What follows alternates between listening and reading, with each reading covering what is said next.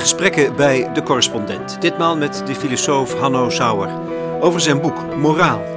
Goed en kwaad van prehistorie tot polarisatie.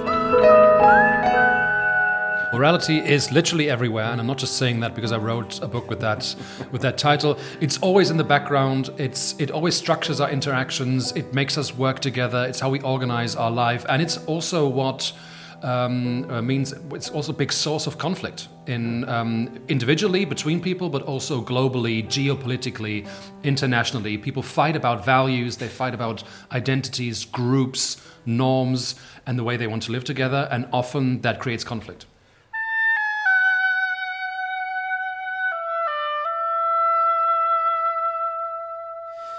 Op het eerste gezicht zou het best een abstract onderwerp kunnen lijken. Een geschiedenis van onze ethiek vanaf de prehistorie tot nu.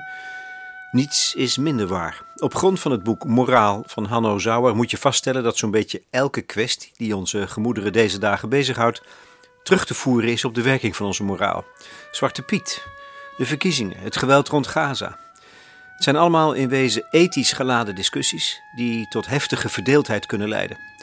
Wat Sauer te melden heeft, werpt verhelderend licht op een paar van de fundamentele spanningen die eigen zijn aan onze ethiek en die zo oud zijn als de weg naar Rome. En nog veel ouder. Om beter te begrijpen wat ons nu zo bezighoudt, moet je terug naar het begin. En dan bedoel ik dus het begin van de mensheid. Sauer doseert filosofie in Utrecht. Op zijn verzoek spreken we Engels. Het tempo ligt bovendien erg hoog ik wijs er daarom op, wellicht ten overvloede, dat het hele interview is uitgeschreven. Je kunt meelezen als je wilt. En dat transcript vind je op de website van de correspondent. De kern van het betoog: onze moraal heeft een evolutionaire basis, oftewel, de mens is zo succesvol als soort juist dankzij de moraal. Yes, that's true. I think we are unusual in that we are really, in a way, the only species that has populated the whole globe and isn't um, isn't bound to live in only one kind of niche, only one kind of environment. And morality is a big part of the answer for why we are able to do that. En wat houdt het dan in? Wat is moraal? Nou, hij noemt het een psychosociaal mechanisme dat samenwerking mogelijk maakt. Het vermogen om samen te werken in kleine groepen, dat heeft alles bepaald. Basically, basically that's right. Uh, that's sort of one of the fundamental building blocks of us as a species is our quite unusual ability, but also dependence on working together. Basically, we can th- think of ourselves as a kind of great ape species that was exposed to a novel, more threatening environment due to geological changes in East Africa a couple of million years ago. We were separated probably um, um, from the rest of an, a, a, an ape like group. Part of it remained in the deep forest in Central Africa, part of it was sort of sequestered into um, Eastern Africa regions um, over there that were more exposed to um, a volatile climate. It was more a savanna like um, environment, and we were more vulnerable to predators, more vulnerable to climate climate change. Um, and um, and just more vulnerable in general, and so we had to compensate for that vulnerability by becoming better adept uh, at working together and protecting each other, sharing risks, pooling benefits, um, and that kicked off our future as uh, the most social mammal in the world, and now we live together uh, in huge groups of millions or billions of people. And to a large extent, my book can also be described as telling the story of what's sometimes called the scalability of cooperative structures, the scalability of cooperation. So it's really unusual to have a mammal that cooperates in such large numbers.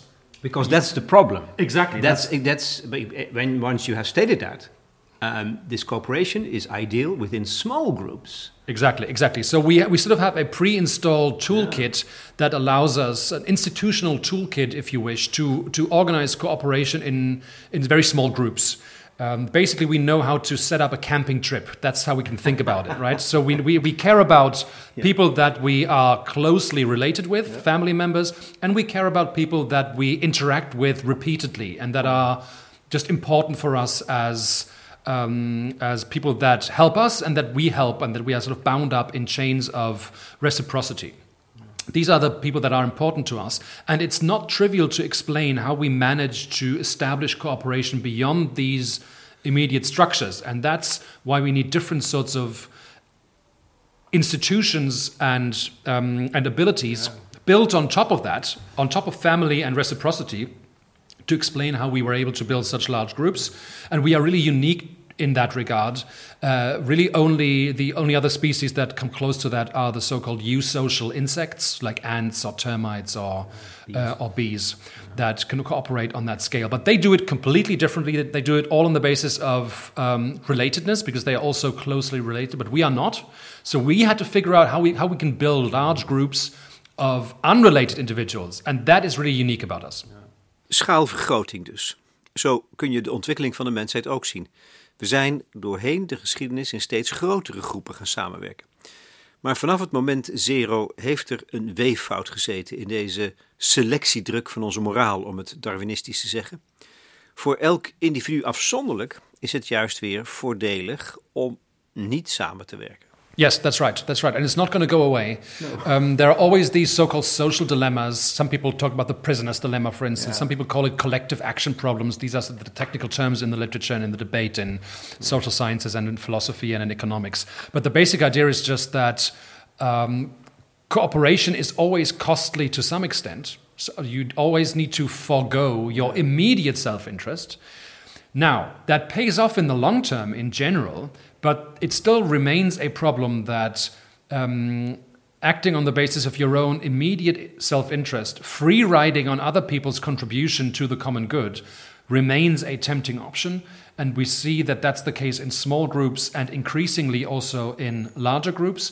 And we had to, over the course of our history, figure out ever new solutions to this perennial problem that just won't go away.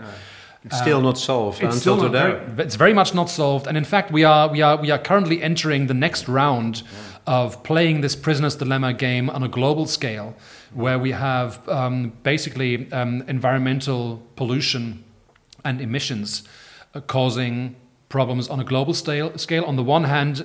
Each individual person and individual nation remains incentivized to engage in behavior that causes pollution because it's so convenient. On the other hand, that applies to each individual and each individual nation. And so you get these massive collective action problems that cause environmental destruction. And it's very hard to build global structures that allow us to rein those in. De geschiedenis van onze moraal toont dat wij allerlei manieren hebben ontwikkeld om dit fundamentele dilemma, ook wel prisoners dilemma, te ondervangen. Maar we zijn niet in staat gebleken om het voor eens en voor al uit de wereld te helpen. Dat onze gemeenschap inmiddels net zo groot als de hele wereld is geworden, maakt het er niet eenvoudiger op. Ooit hoorde ik een Weense filosoof beweren dat onze moraal betrekking zou moeten hebben op een gebied dat je kunt belopen. Ja, dat vond ik een mooi beeld. That's uh, there's some truth to that. Uh, I mean, there's, there's there's there's also tension here. On the one hand, I think um, cooperative structures are often more easily and more smoothly maintained when you have a community of at least potential face-to-face interactions. Exactly. So you have that kind of like uh, nice image that you that you just uh, provided of uh, say walking distance community, instance, kind of yeah, right. Yeah. So we're sort of within the bounds of thirty minutes or whatever, or, or cycling in the Netherlands, you know, within you can the oversee of, that distance exactly. That there's always going to be there's always going to be a tightness to that kind of community that is difficult to simulate or to substitute on a global. So we're never going to feel the same level of solidarity with perfect strangers, right? Which makes it again tricky to organize friendly coexistence with people that we are unrelated to and will never get to know, or future people that we that, that don't even exist yet. Um, at the same time, we also know that um, usually human groups don't do so well when they really double down on these small communities. We already lean towards those. We are already biased towards smaller communities. Um, smaller and smaller, you know, and we, we care the most about family members, our own kids perhaps, um, uh, and then our immediate circle of friends, and then the neighborhood, and so on and so on. So we are already partial in that direction. But human beings usually do best when they also find solutions to amicably expand the circle of people that they can live together with in a fruitful and profitable way to thrive together. And there are lots of forces in our psychology that go against that, right? Tribal thinking and vengeful thinking and so on and so on that that that threaten to um, destabilize circles of cooperation. So it, it usually pays off to work towards let's get more people Okay. into the boat and let's include more people. But at the same time, you're right. Uh, it's always going to be more effectively pleasant to be and you know at home somewhere and to know the people and to repeatedly interact with them and to to share a place and a time and so on and so on. That's normal and that's fine, but it's also a tendency that needs to be somewhat, I think, supplemented and and moderated as well. En, tenslotte, samenwerken in kleine groepen creëert vanaf het aller allereerste begin vijandschap met andere groepen. En dat is de brute, de donkere kant van onze moraal, die ook voortduurt tot op de dag van vandaag. Yes, yes. So the, precisely that kind of selective pressure that made us cooperative internally in our group made us hostile to other groups. Um, that there, uh, the, the situation that made us cooperative was at the same time a situation that made us uncooperative between groups. So when you have um, a very volatile environment and very scarce resources, limited resources. You never know where the next meal is going to come from. You never know if you can sleep at the same place and so on and so on. You need to move around a lot. Uh, you are uh, vulnerable to being raided or to being uh, predated upon by animals um, and so on and so on, to, to, to be existentially threatened. You become very cohesive internally in your small group, but you become very, very um, hostile and, uh, and aggressive towards uh, any possible outgroup because unconditional cooperation is also not stable, right? You need to, you need to um, be nice to people that are either related to you, right?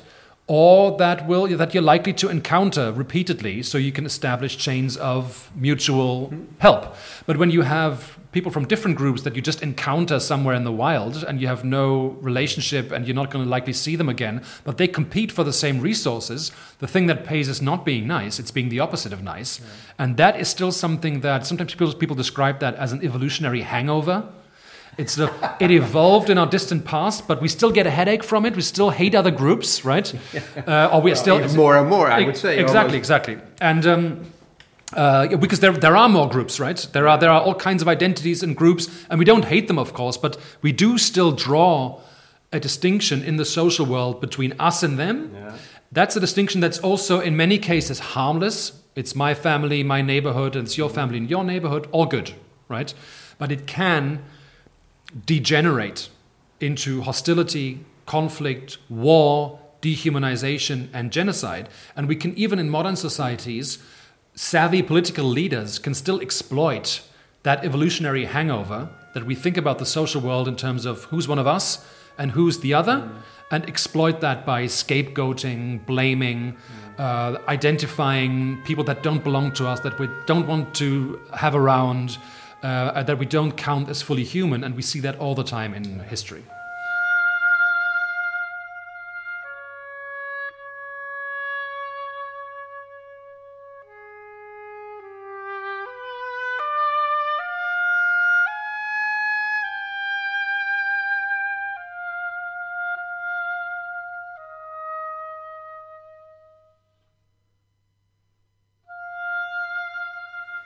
Zauber zegt wel dat we elkaar niet haten, maar tegen het einde van zijn boek, Moraal, als we eenmaal zijn aangeland in onze eigen tijd, is dat wel degelijk wat hij beweert: dat wij elkaar haten als leden van groepen. We hebben met andere woorden last van een evolutionaire kater. Goed, vooruit. We wandelen met gigantische stappen door de tijd. Een ander superbelangrijk aspect van onze evolutie, en nogmaals, een van de redenen waarom we als mensheid zo sterk zijn geworden, is cultuur. Hij noemt dat cumulatieve culturele evolutie. Wij verzamelen kennis en tradities en geven die aan elkaar door. De overdracht van democratie, om maar eens iets te noemen. Dit is een enorme relativering van het individualisme. Of, zoals hij het zelf schitterend formuleert, heb de moed om je van het verstand van anderen te bedienen. Yeah, yeah. So there's this famous. There's a bit of a, a polemical jab at a at, at an Enlightenment at an understanding of the Enlightenment tradition in philosophy, which I still very much appreciate. But there is a strong focus on the individual and on independent thinking of the individual. Today we say, you know, do your own research and don't don't just buy anything that people tell you and so on. And there's some truth to that, right? Um, but I think overall we are massively dependent, and it, in fact it couldn't it couldn't be any other way for a species like us. We are massively dependent on, in the vast majority of cases, not using our own mind, but using the minds of other people, learning from other people. It, it's an important skill to learn to distinguish the people that it's worth learning from and the people that it's wor- not so much worth learning from. So we, we need to regulate and filter how inform- information is transmitted to us. Um, but in general, to purely use our own minds and think for ourselves without the aid of other minds tends to be a bad idea. And you see that the people who say do your own research, they tend to have the craziest beliefs sometimes, um, and it's often often in the in the vast majority of cases.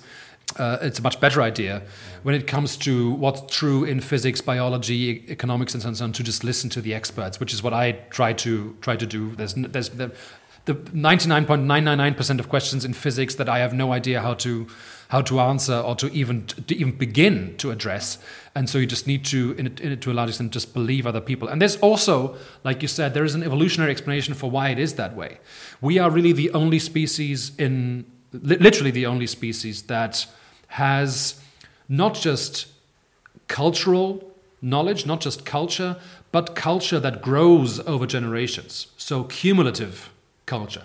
There are some animals, some monkeys, some birds, some species that have learning from each other, so social learning. You see differences in bird songs, for instance, and they seem to be learned from different groups of birds. But what no one else has, what no other species, no other animal has, is social learning that accumulates over generations. So one generation learns from another, and the next generation modifies it and improves it a tiny bit more, transmits that to the next generation, and the subsequent generations keep continuing this cycle of learning and improving and modifying until we become able to engage in the most amazing crafts and um, skills and uh, uh, and and uh, bodies of knowledge, and all of a sudden we can build cities and computers and mathematics and universities and so on and so on and so on. And no other animal can do that, and we wouldn't be able to do that without being a cultural animal that is exactly. capable of building culture over time. But this is a huge defense of what culture is. I mean, people in, in the arts and culture are often, so often, looking for arguments to defend themselves in these uh, liberal times. Here is the argument. Yes, I think so. I think so. I think it's. I, think. Well, uh, uh, uh, the, the, devil is in the details, but I think. I think the, there is a strong argument for why anything that's impressive and good about human beings, or the vast majority of things that are impressive and amazing about human beings, are either wholly or importantly due to our um, nature as a cultural animal. We are cultural by nature. And anything impressive about us is inherited, downloaded from this cultural reservoir. So, so, so, you're right. It's it's an, an, a general cultural nihilism is, I think, not just a bad idea, but it's also not even feasible. It's um, kill, killing us. Exactly. It would it would it would be it would be the end of, of human life as we as we know it. Here, here, I would say. Exactly. Um, I don't think you can get from this cultural evolution story. I don't think you can get an argument from that that would mark out some cultures as superior to others, or some say. Uh, um, uh, Renaissance paintings as superior to early modern paintings right? You don't get, it's just not that kind of argument. But you, you do get a very strong presumption in favor of it's probably a good idea to draw on the cultural knowledge that is available to you and to draw on other minds and other people that are available to you and to there is there is an argument maybe here that says it's probably a good idea to at least take into consideration traditions that you find around you because likely they have a point of some sort. They're not they're not set in stone, Right? It's not an argument, it's not an ultra conservative argument for here's your culture and suck it up. Um, it's, an, it's, it's an argument to take your cultural heritage seriously to some extent and to not throw it away and toss it out without good reason, I would say. Maybe there's an argument like that there. Um, but when it comes to detailed disputes in, say, art history or something or, or, or musicology, it, it, it, doesn't help you there because it's too general and too abstract. But I think in general it shows we are a cultural species and, um, and uh, there is, there is uh, a lot of good in that. En verder maar weer. We doen nog een paar reuze stappen. We worden zo groot dat God het toneel moet betreden. Als instrument om de boel bij elkaar te houden en te reguleren. We hebben een autoriteit nodig, zoals we ook buitengewoon nuttig een systeem van straffen creëren. De grootste stoorzenders schakelen we daarmee uit. Op de lange termijn leidt dit tot domesticatie en minder en minder geweld. Vlak achter God aan komen de weird people. W-E-I-R-D. Daar behoren jij en ik toe. Wij hebben het individualisme in ons DNA. En je begrijpt dat dit merkwaardig is, gezien de voorgeschiedenis. Dit is echt een breuk. We staan nu op de drempel van de moderne tijd. Waar komen wij, weird people, vandaan? En de verklaring is zeer verrassend. Now, um, this, this acronym, uh, weird people, um, it's been coined by, by um, a Canadian anthropologist and, and psychologist, uh, Joseph Henrik. And it stands for Western educated, industrialized, rich, and democratic. and the idea was that is that when you do psychological experiments, you always use your own students, and these students tend to be 20 year olds who are smart enough to go to Princeton, right? So it's a highly specific selection of the population, and there's just no guarantee that these young, very smart, highly selected people are going to be comparable to the rest of the world. Turns out they're not comparable. They're extremely exceptional and unusual. Just uh, not not even in terms of they are greater, but they are just they're just unusual. They're just exceptional and, and very very very different from almost anyone else in the world. They are weird. They are the most extreme Western educated, industrialized, rich, and democratic individuals that there are. And the question is, where do these people come from? Most societies, most of the time, haven't been so individualistic. They haven't yeah. been so analytic in their thinking. They've been much more community oriented. They've been much more family oriented. They've been much more um, holistic and impressionistic in their thinking. And for the longest time, people have tried to find an answer to this question where do where does modern individualism come from no, surprise, surprise. Surprise, surprise. Uh, uh, in, in, indeed, uh, the, the answer that's been proposed, I think, is extremely plausible and extremely well supported, but it's a, it's a hugely counterintuitive and surprising answer because uh, other people had other suggestions. Marx thought modernity comes from the replacement of um, um, feudalism by capitalism and the product, productive forces unleashed by that. So it's more material processes. Max Weber thought that uh, it's it's um, uh, mainly driven by the elective affinity of Protestantism and certain forms of running an economy that rewards uh, profit motive and so on and so on in, in, in, in value terms and in, in evaluative terms with rewards in an afterlife perhaps And many, many other people have tried to give this really million dollar question in the social sciences is what explains modern individualism, what explains also the rise of the West, yeah. uh, of Western um, uh, regions, Central Europe, but also the colonial offshoots of Central Europe, Australia, Canada, and so on and so on. What explains that? Because for the longest time, many, many other places were far more advanced than Europe. You know, for the longest time, China would have been your best guess. For the longest time, um, Arab regions would have been your best guess. They were far more advanced in terms of civilization and science and so on and so on, uh, mathematics. so, what happened? And the answer that Joseph Henrich gives is that basically modernity emerged primarily in Central and Western Europe due to the way in which over round about a thousand years, the Western Church at the time, so what we now call the Catholic Church, engaged in a systematic and increasing destruction of kinship and family structures in Western Europe. For instance, by outlawing cousin marriage to an increasingly severe degree. First cousins, then second, third, up until sixth cousins, where, where, where marriage was uh, prevented, which means that you mar- need to marry outside of the family, right?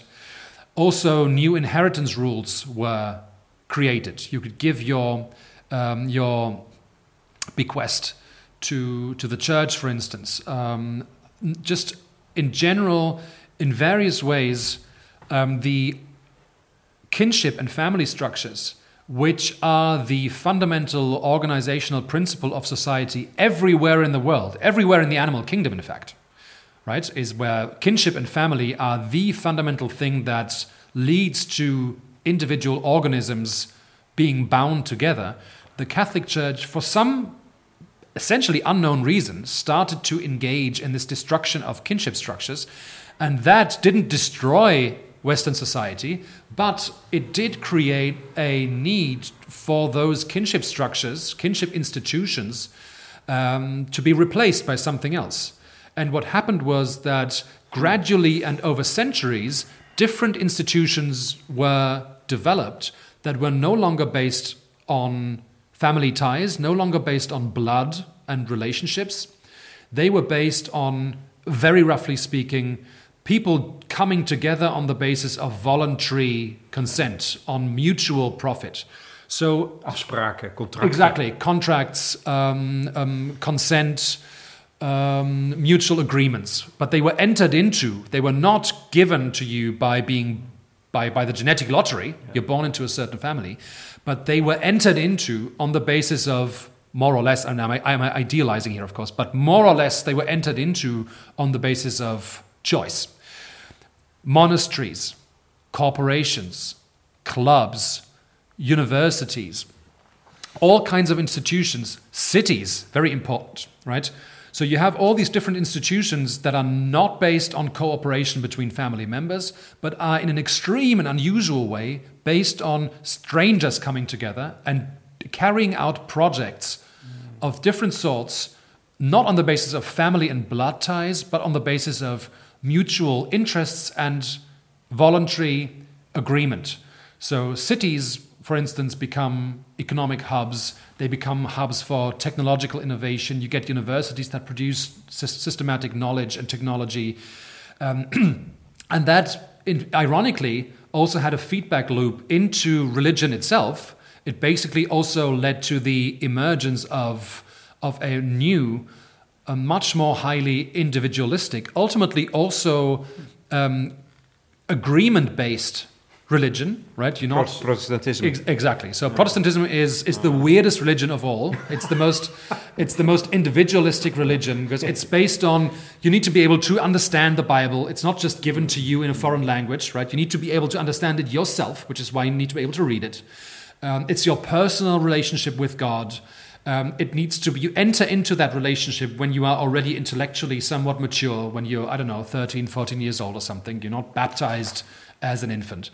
Um, and that is the result of the same sort of process that generated um, novel institutions that are based on facilitating cooperations, cooperation between strangers.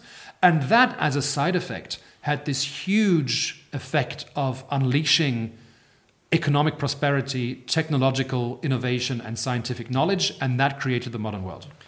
Fascinerend dit. Het is dus de katholieke kerk zelf geweest die door familierelaties en verwantschap terug te dringen de weg heeft vrijgemaakt voor het moderne individu. Eigenbelang van het instituut kan daarbij een rol gespeeld hebben. Misschien was het wel bedoeld om zich erfenissen toe te kunnen eigenen. In ieder geval was het niet het kapitalisme dat verantwoordelijk moet gehouden worden voor de opkomst van het egoïsme. Integendeel zelfs, want ook binnen het kapitalisme stond samenwerking voorop. Samenwerking binnen grotere gemeenschappen. But we need, to, we need to explain where capitalism came from in the first place, right? It didn't it didn't develop in in um, all places. No. Uh, it, it developed in a specific place, and that's precisely because uh, capitalism is fundamentally, for all its ills and, yeah. and problems and pathologies, it's fundamentally based on you need to have institutions that allow um, goods and people and capital to move to places and uses not on the basis of family ties again, Yeah. but on the basis of impersonal things, efficiency, um, innovation, um, trade, and so on and so on and so on. So, um, But it is this new phase of cooperation. exactly, exactly, exactly. But still, cooperation. It's Yes. not uh, uh, stimulating the egoism. No, no, again, it's a, again. It's a, it's a kind of it's a kind of novel form of cooperation. I mean, it, it's it's also again there are it's it's a it's a it's a history of many many two-edged swords.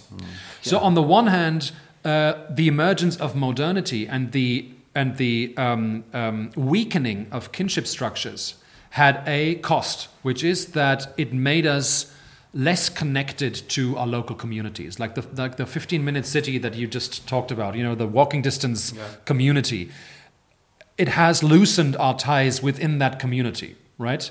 At the same time, it has made us more cooperative and altruistic towards a wider circle of people. So it's a two edged sword. Um, it didn't make us more um, selfish and, and, and, and, and um, calculative and instrumental across the board, but it just had that mix of effects that it, it moved us out of the um, really uh, the tightness of family and community structures, but at the same time, it also allowed us to become more cooperative and inclusive towards a wider group of people, for better and worse.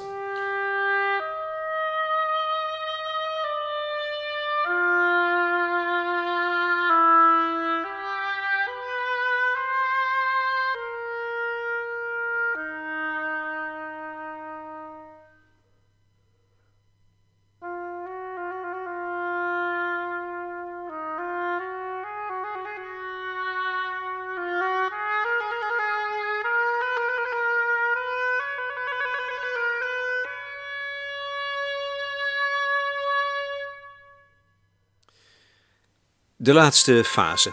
Wat tot nog toe onbesproken is gebleven, is het feit dat die constante groei van gemeenschappen waarin wij leefden, dankzij de evolutionaire kracht van coöperatie, ook een bitter neveneffect had, namelijk ongelijkheid. En Hanno Zauer ziet de laatste vijf eeuwen van onze geschiedenis in het licht van deze nieuwe en fundamentele spanning tussen ongelijkheid en individualisme. Yeah, I think I think I mean we already talked about how difficult it is to know how we used to live way back in deep history, but the best picture we currently have suggests that we used to live in under conditions of pretty surprisingly high equality. So there was little material inequality, there was little political inequality, there was even little gender inequality way back in um, uh, back in the day. Um, now, partly that was also because when you don't really have economic wealth, there's also nothing to be unequal, right? You need to have some extra for that extra to then be inequitably distributed amongst people. So when you have, I'm not saying that people used to live, actually, the current state of the art suggests that life um, um, um, um, uh, in the pre Neolithic life, essentially, so uh, 10,000 and more years ago, human life was not so bad. Apparently, um, there was there was uh, a, a surpri- surprisingly high amount of leisure, and people had a good diet. Uh, it was different, right? Um, but it was not so not so bad. Uh, apparently, that people weren't overweight and they didn't have cancer, and so on and so on. And they didn't have boring, mind-killing sixty-hour weeks and so on and so on, right? Um, so that's one thing. But then um, Jared Diamond, uh, a, famous um, scientist, calls this the worst mistake of all time. Some fool invented agriculture. No, it's not. It's not how it, it's not how it worked. But certain conditions emerged. Also, again, uh, um, um, uh, changes in the climate. uh, In, in various regions in the world, uh, for instance, uh, in well, most famously perhaps in the Fertile Crescent in the in the Middle East, that created certain conditions that allowed yet another type of cooperation to emerge, groups to grow even further, and people started to become increasingly more sedentary, move around less. So we, we sort of replaced a nomadic lifestyle increasingly with a sedentary lifestyle. People started figuring out agriculture, domesticating animals, and so on and so on and so on. That is, on the one hand, economically a pretty good idea because all of a sudden you have economic growth of a kind that didn't exist before, where it was subsistence economy and you just had what you had and then you had to find something something new. You had an economic surplus that emerged, but that also meant that you had an emergence of social, material, and political inequality, and society gradually started to split up into social elites that had the political control and the control over the economic material resources, and a huge group, the, re- the, the, big rest of society, that lived under much worse conditions than, they, than we used to live. And why is that in tension with individualism, with, with the, the coming up on stage of the weird people? Because you, you could say it, it is in line with that, because everybody is, is on his own. I think it's, um, it's in tension with that because in modernity, what, what we re-articulated as a moral ideal that's also embodied in individualism is that while people are individuals, they are also fundamentally equal. Ah. So uh, there it is. Uh, they have this, They have equal rights, liberties, uh, equal an equal um, chance to be happy, and the social inequalities that we inherited from past societies, which are often enormous, are incompatible with a certain kind of individualistic and egalitarian ideal. And people, people realize that once you weaken kinship structures and you start creating institutions that are based on voluntary agreement, you can generalize that model to all of society. All of, a, all of a sudden, you don't see society in general anymore as something that's just given to you, but you start understanding that as a social contract as well. And once you have that framework, you start thinking, well, in whose interest is this contract now precisely? There are these 1% and they never work, while we toil on the fields and we get whipped uh, into, into discipline and, and we live under, under, under um, malnourishment and servitude and exploitation and oppression in favor of these other guys who never did anything who came up with this social contract, right? It seems it seems awfully convenient for the for the one percent, and not so much for for the rest of us. Uh, and so you start questioning whether that kind of society that you happen to live in would be the kind of society that you would choose to live in if you could pick one for free, if, if, you, if you could freely pick one.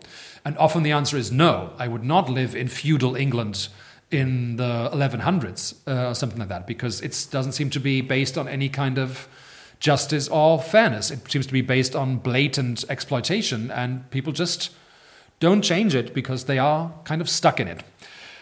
Um, but basically, we have lived like that for the past couple of thousand years. I again, I follow this schema and say it's like five thousand years, but maybe a little bit longer. Um, we lived under hugely unequal conditions uh, uh, in sedentary, which, which was brought about by the economic surplus produced by a sedentary lifestyle. And it's only recently that we started not just questioning that. We, we always have done that, I think, to some extent. People don't like being exploited and oppressed and whipped. But it's, uh, we, had, we, had, we first had, had to have an alternative way of living together, an alternative institutional toolkit that would allow us to cooperate with one another and generate that economic surplus that would be able to replace this old uh, oppressive feudal order mm. that we see in medieval England, but also in, in ancient Egypt. Als we dan tenslotte dichter en dichter bij huis komen, zijn er allerlei actuele kwesties die je kunt analyseren als een vorm van die moderne spanning tussen ongelijkheid en individualisme. Hé, hey, we zijn toch allemaal gelijk? Een van die fenomenen is wokeness. I think so. Yeah, I think I think often these um, tensions get renegotiated at different levels of social development, different social structures. We have a very different society now than we used to have 500 years ago. But the fundamental normative principles of justice, equality, fairness, individual rights, liberties, um, enjoying um, life, not being subjected to arbitrary maltreatment, and so on and so on and so on. These fundamental pre- pre- preferences and principles they remain the same. people try to re articulate them at different levels. And so we channel these ideas for another time in present day society. And we see that we still, because we already, this goes back to the fact that we are a cultural species, we inherit the way we live from previous generations and what they've built. We don't inherit it just through our genes and the programs that we are bound to live by genetically. We inherited culturally, institutions and practices and rituals and power structures that we you know, are born into. And they were not consciously designed.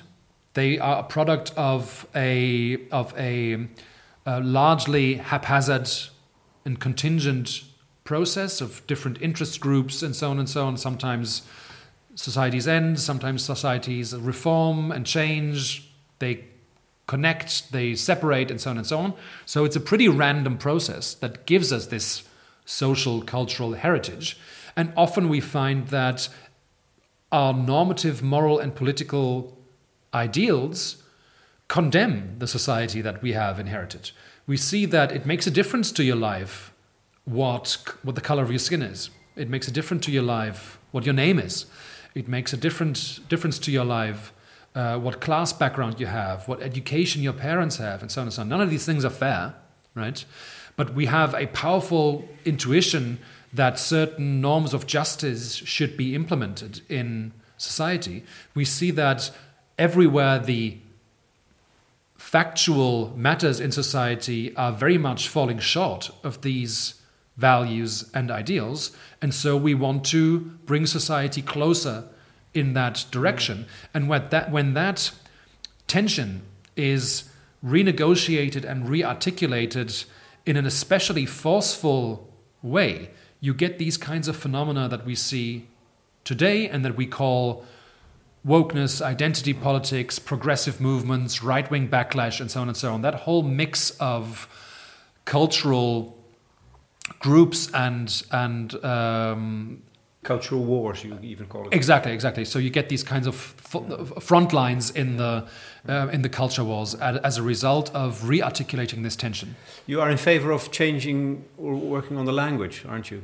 So what i try to do in the book is i try to offer a diagnosis of present times that tries to tries to not take sides but tries to be as fair as possible to both the progressive reformers and the um, con- conservators, if you, if, if, if you wish. Um, I, I'm, I'm, I'm, I, guess I'm not a conservative, so I think I think uh, William F. Buckley once said a conservative is someone who stands athwart history and yells "stop." right? I don't think that's a good idea. I don't think we should we should we should ask his, historical and social change to not happen. Um, but I think we can reasonably assess some changes, see which ones are good and which ones are bad. I think when we look back at the past decades, we see that many, many um, symbolic and linguistic changes are ones that we would not want to take back. So we wouldn't want to talk a certain way about disabled people anymore, right?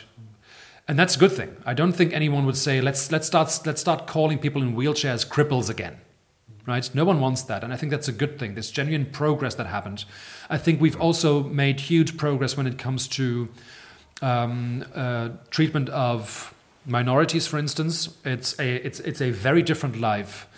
Uh, in 2023, when you're a gay man, for instance, compared to 1963, right, in Germany, in the Netherlands, or wherever. Again, this is very much an imperfect development. It doesn't apply globally yeah, necessarily, but I think there have been quite impressive gains, and I think it's worth taking them seriously and looking at what are the mechanisms that brought these gains about, that brought these improvements about. I think of the changes that people suggest nowadays, there are probably some good ideas and some bad ideas, and also the coming years and decades will will reveal to us which were the good ideas and the bad ideas. But I wouldn't reject these linguistic changes, changes to our language. I wouldn't reject them wholesale. I would say, let's look at them. We know that sometimes changing language is good and more inclusive and is progress. Some of these ideas are probably going to be good. It's hard to know which ones are, but we shouldn't reject them wholesale. But I do think that sometimes um, also these reform ideas are a bit excessive. They're either, they're either there's no evidence that they are working, or they make no no sense internally. So I'm a bit I'm, I'm, trying to to present a fair assessment of these kinds of culture war debates. We zijn tegenwoordig bezig om een moraal te formuleren voor de grootste gemeenschap die we ons voor kunnen stellen: de mensheid. Op de gehele aarde. Ja, en dat zal weer tot nieuwe dilemma's leiden. Sauer is vrij stellig. Er zijn geen grote verschillen tussen de mensen op aarde. We delen allemaal dezelfde waarden. En dan heb je het over wijsheid, matiging, rechtvaardigheid en liefde bijvoorbeeld, of persoonlijke veiligheid, vrijheid, zorg en tolerantie, geluk, respect, eerlijkheid en dapperheid. Tegelijkertijd zie je de atavistische tendens om ons toch weer in kleine groepjes terug te trekken en de anderen te gaan zitten haten. Hoe zit dit? Gaan we echt weer 5 miljoen jaar terug? Yeah, that's I mean that's the evolutionary hangover problem all over again. We are still being plagued, haunted almost by these atavistic, obsolete, we were hoping, tendencies of group thinking and group aversion, group hostility, um, excessive vengeful instincts, um, and so on and so on, uncooperativeness, selfishness, and so on and so on. Um, that's right. I do think that, for, especially in in intellectual circles, we tend to downplay the degree to which there is a shared humanity because intellectuals, at least for the past few decades or maybe 100 years, have been very, very strongly motivated to emphasize human diversity and differences in human values. Now, human politics, politicians are doing the same. Exactly. So, I mean, obviously, cultural diversity exists. That's kind of our thing as humans. But I still think there is a layer of fundamental values that should, at least in principle, allow us to get together and sort things out and mm. and set up a way of arranging society where everyone can do as best as they can. But if that's true, as you rightly point out, it kind of becomes even more puzzling for why that isn't happening all the time, right? Where do all these conflicts come from uh, then? And I mean, that's a very, very complicated question, of course. Sometimes you have specific conditions that, that, that lead to certain types of territorial conflicts. That's one of the things that I find especially frustrating about recent years is that when you think about Ukraine, when you think about Israel Palestine, um, you see that these are essentially territorial conflicts, right? It's almost like the 19th century, where it's like, you know, the French hate the Germans and so on and so on. And I think it's just fantastic that largely these antipathies have been made a thing of the past, right? So when I came to the Netherlands first in 2009 to start my PhD, often um, grandparents, for instance, or older relatives, they would ask me, and don't people hate you in the Netherlands? And I said, no, no one ever, never came up. Never came up, right? As, a, them, as a, German. As a German, exactly. But for them, it was like that, right? It was a whole different thing. And I thought, it never occurred to me. And, and still, I've, I've, been, I've been in the Netherlands. You're naive. Um, I love this place. yeah, maybe, maybe. But at least, you know, amongst, amongst, amongst the, the yeah. of course, it's, it's also like a, uh, demographically a special slice of Dutch society that I interact with uh, of course. Yeah, yeah. But still, it's it's it's it's uh, my, my my my my parents and grandparents. They would tell me stories about tables being denied to them in restaurants because they were Germans, and I've never seen anything even in, in even in that ballpark, right? And I think that's great. I think it's great that we can really have a society where people come together and we we we make each other's lives better, right? And we don't we, we, we, we it's not an improvement when you have these kind of group hostilities between that tribe and that tribe. So that's that's very frustrating. I think that you basically have a kind of conflict that was either continued or reinvigorated, basically continued, really. Um, that it, that is a, of a territorial nature. It's different groups of people who don't want to share the same part of the planet with each other on the basis of different traditions, languages, religions, mm. ethnic heritage, and so on and so on and so on. Um, and that is something that is, yeah, tragic to to to see, and only I think confirms this this fact that while there has been progress in how we organize society in many ways, that progress is always fragile, it's always under threat, and it can always be brought down and brought to the brink of collapse by these very same tendencies that have always created tensions within our own system of norms and values. But do you expect progress? So this is this might be the last resistance of this old this this evolutionary hangover. Uh, th thinking in groups, uh, especially in, the, in times of elections, politicians are are working on that while we share our main values all the time. I think so. I mean, will, will, will, progress continue is a tricky question. I'm, I'm, I'm going to come, come down on, on the side of saying yes. I mean, it's, it's, it's, it's of course highly uncertain, but I'm, I, I think the, yeah. the reasons for optimism are, they appear somewhat stronger to me than the reasons for pessimism, even though the reasons for pessimism are also good ones, yeah. also solid ones, but I think the other side is slightly stronger. Um, yeah, I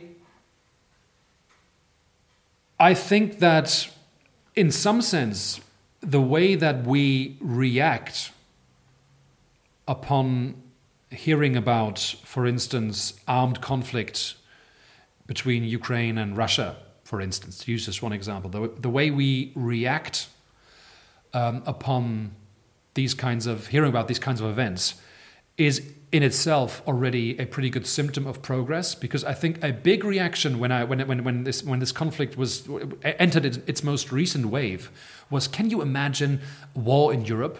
But of course, 100 years ago, people would say war in Europe. Well, of course, what else, right? Uh, it, it, was, it was perpetual war all the time, and people at the time thought also, you know, there's never going to be peace between England and Austria right? There's always going to be fighting between this and that place. And it's just inevitable. It's just like different nations, different peoples, they're always going to be um, uh, hating each other. And I, and I think that the second half of the 20th century, to, to our great benefit, yours and mine, has shown that that is not true. There's no, there's no inevitable hatred between nations, for instance, uh, and the reaction to, to, to, to, to say, oh my God, it's scandalous that there is war in Europe is, is a strong symptom that there has been progress and that our tolerance towards that, that kind of thing is, is um, very, very low. Whereas back in the day, the, the, the, attitude would be either, of course, there's, there's, there's war in Europe, or people would even be gung ho about it and, and, and be enthusiastic about it. I don't think we see that anymore. Uh, people are very, very angry and frustrated and sad and disappointed and confused about these conflicts. And they think, really, that these things should not happen, right? Because we know of ways, demonstrably know of ways to avoid them. We know it's possible. Mm. We know that conflicts in Northern Ireland or in the 30 year war in Europe between Protestants and Catholics, they seemed just as intractable, they seemed just as perennial and they have been almost perfectly resolved, right? No one asks about, you know, when when when when when when uh, when a girl brings home a boyfriend, no one asks about is he Catholic or something, right? Uh, it would be bizarre, uh, uh I think, to, to to do that. I mean, there may be exceptions to it, but overall, I think this tendency is much much weaker. Um, so we know that these conflicts, even the ones that seem inevitable and and and uh, and uh, locked in locked in in, in in perpetuity. I think we know that they must be solvable, uh, and it is it is this this mix of recalcitrant evolved tendencies in our mind that sabotages finding a good solution, and as a result, children are blown to pieces. Laatste vraag. Wat is jouw beste advies als filosoof? Als je weet dat een aantal van de geschetste problemen voorlopig niet zullen verdwijnen. Is het dit: blijf kalm en stoïcijns? Well, I, I, I, don't, I don't think that's a solution that could work geopolitically. Well, geopolitically, need to just personally. Need some, I think for individuals, it can be it can it can be uh, a good idea to. Um, uh, I mean, depends on how much it it impacts people's lives. But when people suffer from uh, hearing bad news all the time, it can be a good idea to maybe disengage a little bit and to have a bit of a news diet. Um, become a bit more vegetarian about that about their news diet. Um, uh, yes, but I don't have recipes. No. Right. But this, this is what you do. Yes, I, I, I think I think that's that's that's what I that's what I try to do. Um, of course, I can also afford it.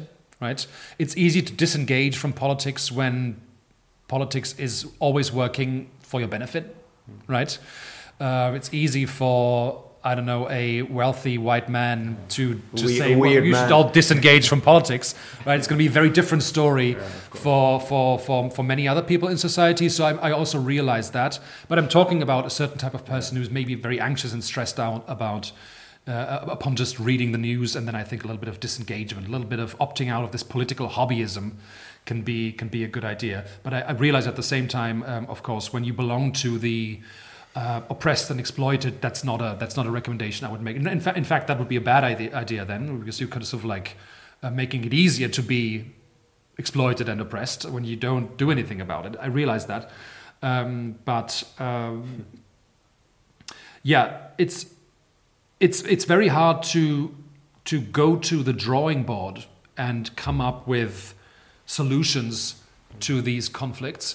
Here too, I think we need to kind of heed the lessons of cultural evolution, which is that these conflicts are solvable. We know that. It may be very a very very long time until until they are solved, but typically a situation of permanent conflict and murder and terror and poverty and um, oppression is not stable. Typically, the parties involved, whoever they are, need to move out of that toxic To equilibrium. Yeah, because it's just not. Uh, the, the social forces will emerge that say, we don't want that. We don't want to live like this, right? We only have, in the best case, we have 85 years or something, and we don't want to spend it being scared on the bus, right? Something needs to happen, and I think that that, that, that potential remains in place. Of course, it also is constantly depleted and sabotaged as well. So it may take a long time, but I think in principle, these forces of social reform and even upheaval, they exist. They exist even today. They just need to bubble up and come to the surface. And there can be pretty rapid tipping points that lead in that direction. A new coalition between this and that place, a new movement that joins forces between this and that group, for instance, that topples the power dynamic. Uh, and I think that can always happen, and that is something that should be encouraged, and we shouldn't be desperate about the possibility of that happening. Well, we came a long way, Yes. we, in this this hour. Well, I enjoyed your company along the way. Thank you very much. Thank you. Thank you for having me. It was fun.